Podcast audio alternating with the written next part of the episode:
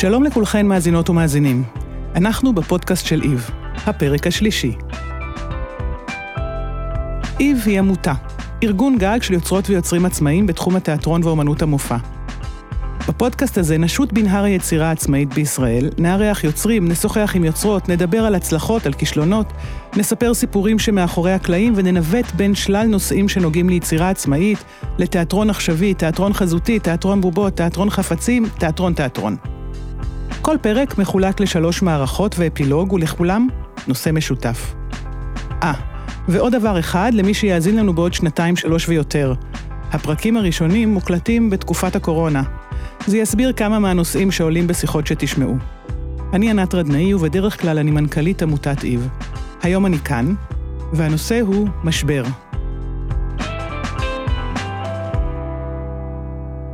מערכה ראשונה, הנקודה.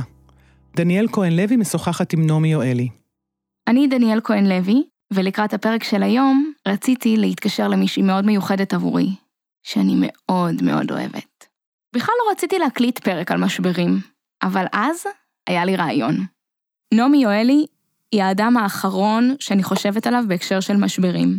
אולי בגלל שהיא אחת הנשים שהכי מצחיקות אותי בעולם, או בגלל שהיא לא מפסיקה ליצור, והעבודות הבימתיות שלה תמיד מרגשות ומפתיעות אותי בכל פעם, ואני נהנית לראות איך היא יוצרת צורות חדשות ויצירתיות לספר סיפורים על הבמה. ויכול להיות שדווקא בגלל זה, בכל פעם שאני נתקלת במשבר, אני נזכרת בחיוך במשפט שנעמי אומרת בהצגה שלה אקס חמותי החורגת. זה בעצם לא משפט שלה, אלא של אגי יואלי, אקס חמותה החורגת. ונעמי עושה אותו הכי טוב. נעמי? היי, זו דניאל. אני רוצה שתזכירי לי איך הולך המשפט של אגי יואלי בהצגה שלך על משברים ביצירה. אז אני לא אשאל אם את במשבר של יצירה. היא, היא אף פעם לא אהבה את המילה יצירה. לא, יצירה אולי כן, אבל היא לא אהבה יצירתי. אבל בכל זאת, היא אמרה ככה, בכל עבודה, באמצע, יש נקודה, יש משבר. נקודה זה המשבר, הבנת? כן. יש משבר, הכל מת, העבודה מתה, בלי משבר אין. אני עוד לא עשיתי. טוב, אולי כוס אחת לשתייה אני עשיתי בלי משבר.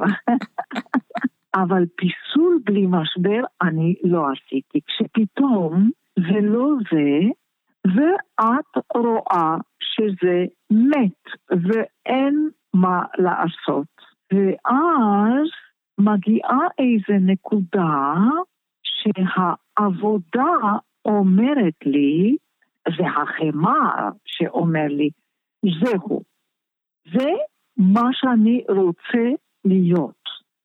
ואז זה תענוג גדול, לרגע, אם הוא באמת נהיה מה שהוא רוצה.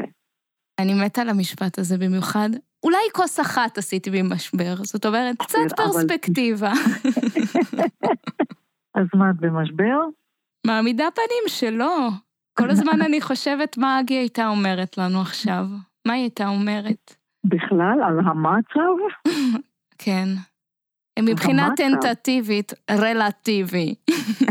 היא הייתה אומרת, אני חושבת שהיא הייתה אומרת השבוע, היא הייתה אומרת שבאופן רלטיבי, מצבה סנסציוני, כי נגיד אם זה היה עכשיו, היא הייתה כבר בת כמעט מאה, היא הייתה מקבלת כבר את החיסון הראשון. ראשונה היא הייתה מקבלת את החיסון הראשון. ראשונה, ראשונה, אחרי הזה, הנימן הזה, ביבי, היא הייתה מקבלת, ובצדק, מפני שהיא הייתה אחות של שני רופאים. והיא הייתה נוסעת לשם רק בטקסי. רק בטקסי, לא ברגל, אבל אני חושבת שהיה בטח מגיע אליה הרופא שלה, דוקטור סלומון האהוב המתוק, הקדוש, ונותן לה זריקה, והיה נגמר הדבר הזה של הקורונה וכל הגועל נפש הזה, היא תמיד נורא העריצה רופאים במדע, ולכן דווקא אני חושבת שהימים האלה היו ימים אופטימיים בשבילה. ומה איתך, נעמי? את במשבר? אני בנקודה. את בנקודה. כן, אני מאוד במשבר. האמת היא שאני תמיד במשבר, את יודעת. זה כל כך מוזר. במשבר, אני למה? רואה אותך הפוך כל כך. באמת? כן, אני רואה אותך לא... תמיד יוצרת. מה את אומרת? מה פתאום? אני ממש בעצם במשבר מתמשך לגמרי, שהוא המשבר הראשון זה כשעולה הרעיון, זה משבר גדול מאוד, כי השאלה את מי זה בכלל מעניין. והמשבר השני זה לאורך כל העבודה, כי ברור שזאת הנקודה והכל מת. ואני אפילו לא יודעת לעשות כוס בשביל שלא יהיה לי משבר. ואז יש את המשבר הגדול כשהעבודה יוצאת, של כל החרדות והפחדים, ואז את המשבר הכי גדול שזה נגמר, ועכשיו מה יהיה? לא יהיה כלום, והכל הכל מת. אז עכשיו אני ממש בכל הנקודות האלה. גם אם יש רעיון, אז את מי זה מעניין, ולעבוד אי אפשר כי הכל מת, ואין בשביל מה לעבוד כי הכל ימות. ואז אחרי זה, נגיד שיקרה משהו, אז פשוט העבודה תהיה דיזסטר. ככה אני. כל השאר זה רק, אה, כמו שאמרת, העמדת פנים. Mm-hmm. אז אצלי זה עובד מעולה, כי תמיד כשאני מקשיבה לך, או רואה אותך, או מדברת איתך, אז זה נשמע לי כמו מעיין שופע כזה, שרק בא לי לשמוע עוד ולצחוק עוד, ולדמיין עוד. האמת שאני חושבת עכשיו שאני ממש מהר מהר צריכה לכתוב את כל הדברים שעוד לא סיפרתי לך, כי לדעתי זה פשוט אוטוטו, אוטוטו זה הסוף. הסוף של מה? הסוף של הכל. את יודעת שאני זוכרת שאגי בסוף היא הייתה שבוע או משהו כזה בכיסא גלגלים, והלכתי לטייל איתה ברחוב ליד הבית, ויצא הבחור הנחמד מהחנות וילונות, והוא הסתכל עליה והוא אמר לה ממש בצעקה גדולה ורמה, אגי, מה קרה? כאילו, בכל זאת הייתה בת 97 כבר. אז היא הסתכלה עליו והיא אמרה לו, אני בעצמי לא יודעת. זהו, זה היה איזה בערך שבוע לפני, ש... לפני הנקודה הסופית. Mm. איך אפשר להצחיק אותך? שאלה טובה, ועוד אני אומרת פה בתחילת המפגש בינינו. את הבן אדם האחרון שאני חושבת עליו בהקשר של משברים, מיד את סותרת אותי. זה באמת מאוד מאוד אה, מוזר, אבל מה, את מכירה מישהו בלי?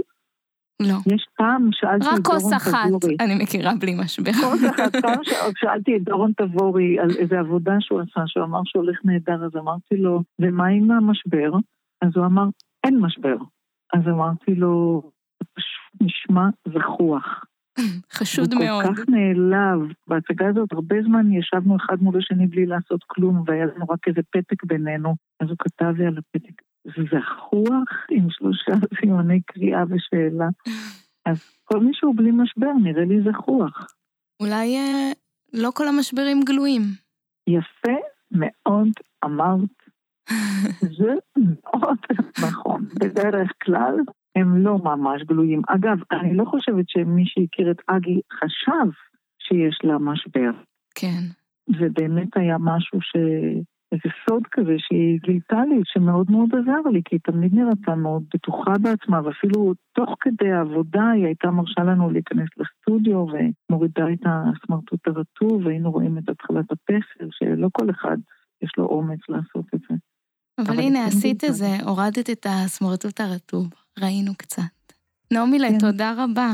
אני ממש מחכה שנשוב להתראות על איזה כוס קפה או על איזה במה, תלוי מה יבוא קודם. על איזה כוס קפה, נכון, ותעזרי לי לצאת קצת מהנקודה, נכון? בטח.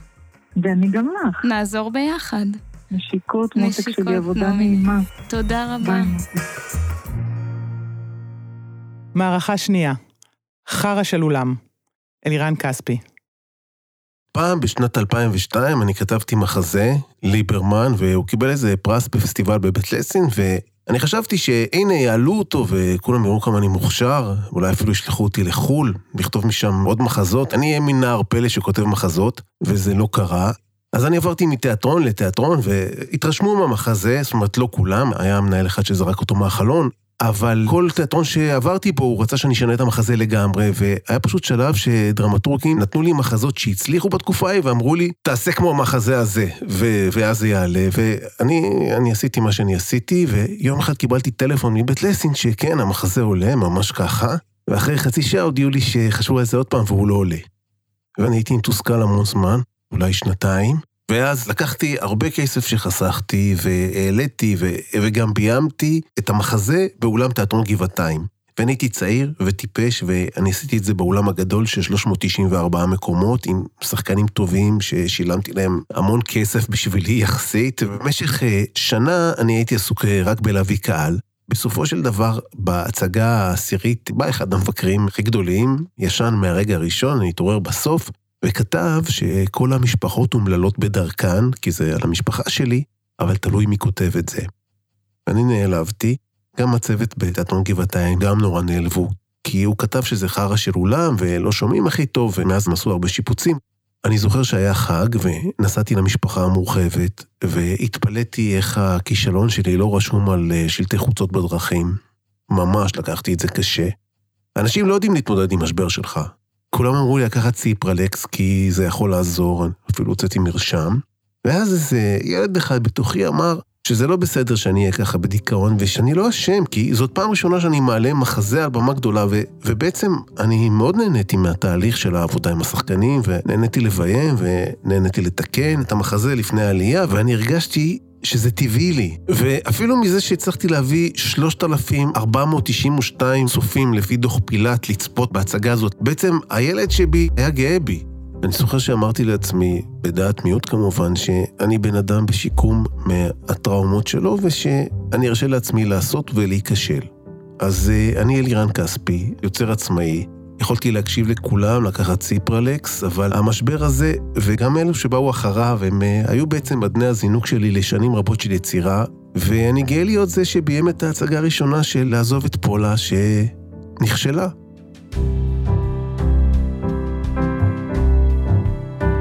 מערכה שלישית, האיש עם הפרח בפה. אודי בן סעדיה משוחח עם אורלי רביניאן.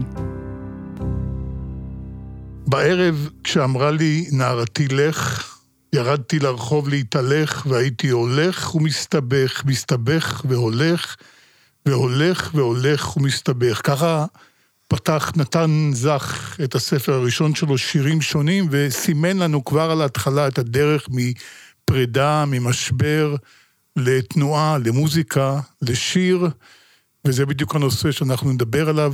לי קוראים אודי בן סעדיה, אני מחזאי ובמאי, ואתם על הפודקאסט של איב, ארגון היוצרים העצמאיים, ועל הקו איתי אורלי רביניאן, שלום לך. היי אודי. כיף לשמוע ממך. כיף. שהתקשרת. כן, את רואה, את כל הדרך עשינו. אנחנו נעשה איזשהו מסעונצ'י קטן, נדבר בין משברים ובין תהומות לבין מקומות שבהם אנחנו יוצרים, בין טקסטים שמלווים אותנו לאורך שנים, ובמקרה שלך ביקשת לדבר על יוצר מאוד מיוחד, לואיג'י פירנדלו, ועל יצירה בשם האיש עם הפרח בפה. אז קודם כל אולי תספרי לנו כמה מילים על היצירה בכלל. אה, לואיג'י פירנדלו, מחזאי איטלקי, שכתב סיפור קצר, מוזר, שיח בין שני זרים, שני גברים שנפגשים לילה אחד. אני נתקלתי בטקסט הזה כשהייתי נערה, ומשהו בו הדהד ככה באופן מאוד צלול אליי, והטקסט הזה נשאר איתי. ומשהו בטקסט הזה, שבמרכז שלו בעצם יש איזה משבר של כותב שלא מצליח uh, להניח לטקסט, אני חושבת עזר לי מאוד בתקופה שאני חוויתי משבר אישי. אוקיי, אז זהו, רציתי לשאול אותך באמת, לפני שאנחנו צוללים לתוך פירנדלו, איפה זה פוגש אותך? באיזה... איפה זה פגש אותי? איפה זה פגש אותך? באיזה נקודה, ומה פתאום זה קפץ? כאילו, מה, בנסיעות מהאוטובוס לטלמה ילין, מאיפה? בטלמה ילין, ככה כנערה, קראתי אותו לראשונה. כשהתחלתי לימודי בימוי בלונדון, קניתי את ה... זה אחד הספרים שככה לקחתי איתי חזרה ארצה בחנות המחזות הלונדונית. ובעצם כשחוויתי שבר, הרבה יותר ממשבר, חוויתי אובדן אה, משמעותי בחיים שלי, חזרתי לטקסט הזה כמו, כמו צידה לדרך לקחתי אותו איתי. זאת אומרת, הוא היה לי איזה עוגן או, או מגדלור שאפשר לי לראות באופן אה, הרבה יותר בהיר את הכאוס שחוויתי בעקבות האובדן, והייתה איזה קרקע לעמוד עליה. רוצה להגיד מילה אחת עוד להרחיב צוהר דק לגבי השבר או המשבר? איבדתי את אבא שלי. וזה היה ה-before and after של החיים שלי, כן? השתניתי בעקבות החוויה הזו כאדם, התפרקתי לגמרי. אני אדם שבעת משבר מאבד את הקול שלו, זאת אומרת, הקול שלי נעלם באלף. פעם היה קורה לי ממש באופן פיזי, הייתי מאבדת את הכל, ובמרכז הטקסט הזה יש שתיקה מאוד גדולה. טקסט מילולי, אינטנסיבי מאוד, אבל כשפירנדלו חוזר ומשנה אותו, כל כמה שורות הוא כותב שתיקה. השתיקה הזו, אני חושבת, זה המקום שבו זה פגש אותי. הצלחתי בעצם למצוא את הקול שלי בשתיקות האלה. כי פירנדלו כותב את השתיקה לדמויות הנשים. יש בטקסט הזה שני גברים שלא מפסיקים לדבר, ונשים שותקות. אוקיי. Okay. אני בהתחלה בכלל כנערה לא שמתי לב אליהן, רק מאוחר יותר כשחזרתי לטקסט הזה, השתיקה שלהן הייתה הדבר שהדהד לי, זה הדבר שרציתי להתעסק בו. אני רוצה רק לחדד את הרגע הזה, אבל המקום של הטקסט בתוך ההוויה של המשבר, אם נקרא לזה, איך את כאילו נמלטת לתוך לקרוא, לתכנן, או להתחיל לעבוד על זה, זה המקום שמחבר, או זה המקום שמציל, או מאיר, או מחזק. זאת הייתה קרקע לעמוד עליה. זאת אומרת, גם בעיצוב, כשהצעתי את החלל בהצגה, רציתי שכל הבמה תהיה טקסט. בפרפרזה על The whole world is a stage, אז אני רציתי ש... The whole world would be a page. זאת אומרת, על הדף יכולתי למצוא קודם כל סדר ומבנה. הכל סביבי רטט, אבל פתאום מצאתי סדר, כן? אה, מה קרה לפני, מה קרה אחרי, מי אני בעקבות הדבר הזה, יכולתי למפות את מה שעובר עליי. אחת הפעולות הראשונות שעשיתי היה להפקיע מפירנדלו את, ה... את הדיו האדומה שלו, וכל הערה שלי על הדף הייתה באדום. בהצגה גם הקרנתי את הטקסט המתוקן שלי, עם כל השינויים האדומים, כדי לייצר ממש ארכיטקטורה של שינוי צורה. ככל שהמחזה מתקדם אפשר uh, לראות את הדיו האדומה משתלטת על הטקסט המקורי. עוד דרך בעצם, חוץ מהכתיבה שלי בתוך הטקסט, שעזרה לי למצוא את, ה... את הקול שלי, uh, בחרתי לשים על הבמה פסנתר. זו הייתה החלטה שבעצם הרגשתי שלא רק בקול שלי אני עוסקת, אלא בקול של הדמויות האלה, הדמויות השותקות. לא רציתי לדבר בשמן של הנשים האלה. זאת אומרת, כן רציתי לתת להן אה, מיתרי קול. אגב, מעדות אישית, שאני זוכר גם את הדימויים הוויזואליים, אני גם זוכר את הפסנתר החשוף. עמרי דגן, נדמה לי, הוא המלחין. אה, נכון. ממש, יש משהו קרוע בעצם הנגינה. ביקשתי ממנו בהתחלה לנגן, אתה יודע, על פסנתר תרבותי, קלידים, אבל לאט לאט ביקשתי ממנו לפרק עוד חלק ועוד חלק, עד שהוא יוכל ממש לנגן על המיתרים, לתת למיתרים לרטוט בחלל, ולאפשר לנשים האלה לזעוק את השתיקה שלהם. פשוט לתת להם מיתרי קול כשהן כבר משמיעות את הקול שלהן, מהדהדות אותו בחלל, עוד לפני ש... אתה יודע, הן מוצאות מילים. בתקופת משבר לאו דווקא מצאתי מיד מה להגיד. אני יכולה להגיד שגם עכשיו, בתקופת המשבר הזה שאנחנו חווים כעת, משבר הקורונה, אני לא יודעת אם יש לי משהו להגיד עדיין, אבל, אמ, אבל אני מחפשת. אודי, אותי היה מעניין לשאול אותך, כמי שמתחיל את היצירה הבימתית שלו, דווקא לא מהבמה, אלא מהמילה, מהדף, לבד בבית, לפני ששחקנים מצטרפים ומתחילה התקהלות חלילה. אה, במקרה שלך יש לך משבר? זאת אומרת, אתה קיבלת במתנה קצת אה, שקט להעמיק בו, לא? ומיטב הבנתי כתבת מחזה חדש בתקופה הזו. כן. כן, מעניין. שייקספיר בחווה הסינית, זה שם המחזה, וזה באמת מתחיל מאיזה שחקן שייקספירי שיושב בבית, כלוא בבית ואין לו איפה להופיע, והבת שלו, בתו היחידה, מנסה לעזור לו, ואז היא אה, מוצאת לו, לא עלינו, אה, מועדון של נפגעי הלם קרב, בתור המקום היחידי שבו הוא יכול לתת את ההופעה שלו, אז עשיתי פה איזה חיבור גם בעולם התיאטרון, גם לעולם המסויט שלנו, וגם אולי ניסיתי להזיז את עצמי, או להזיז את הדמות, להוציא אותה מתוך המקום, הכל הרי מתחיל מזה שיש מגפה והכל סגור והכל נסגר עליו, וניסיתי להוציא את הדמות, ואולי גם אותי, אה, הלאה, אה, לאיזושהי התנסות אחרת, ואני משתדל, אני עכשיו עושה אמנם בטפטוף איטי, אבל הדרך שלי לנסות לצעוד מתוך המשבר, מדי פעם להיפגש גם עם השחקנים וגם לטעת איזשהו שביל שיוביל אותנו לאיזשהו אופק, כמו בסיום של אה, קזבלנקה, אם תרצי, אם אני לוקח את הדימוי הזה. נתת רעיון למופעי תיאטרון חיוניים, במועדוני כן. אה, הלומי קרב. הולכים לעבר השקיעה. וכקורא, התחלנו בשאלה על טקסט כצידה לדרך בעת משבר. לך בתקופה הזו היה איזשהו טקסט שהדהד לתוך המציאות? כן, האמת היא שקורא הרבה, אני חייב להגיד, קורא יותר משקראתי בעבר. מה שלכד את עיניי, גם אפרופו השיחה שלנו, זה טקסט מעניין, רומן מכתבים בין משורר שאני מאוד אוהב, דוד פוגל, לבין אה, אשתו עדה נדלר. הם מכירים ממש בקיצור באיזה בית מרפא לחולי שחפת, אנחנו, היו פעם מגפות חמורות, הוא בכלל נשוי למישהי אחרת, היא יש לה רוס בהמבורג, הם מכירים, מתאהבים, ואז היא צריכה להחליט אה, אם, אה, אם לעבור אליו. היא כותבת לו מכתב רווי סבל ורווי תהיות, מה אני אעשה שם בפריז, הוא אומר לה בכנות, פוגל היה דלפון שבדלפונים, אומר לה, תשמעי, אין פה עבודה. אין קריירה, אין עתיד, שום דבר לא מובטח, אבל אני מבטיח לה, גם ברמה הרומנטית, שנהיה ביחד, והוא מציע לה הצעה שהיא בעצם כמו, אני אומר שהוא נותן לה סיפור, הוא נותן לה שיר להאחז בו. הוא מציע לו לא את היסודות דווקא, לא את הקרקע, לא את המוצקות, אלא דווקא מציע לה שיר, סיפור, תקווה, משהו להאמין בו. ובאמת אה, חשבתי שאולי מתאים, אם התחלנו עם שיר, לסיים את השיחה הנחמדה שלנו בשיר שבעיניי הוא שיר החרדה האולטימטיבי.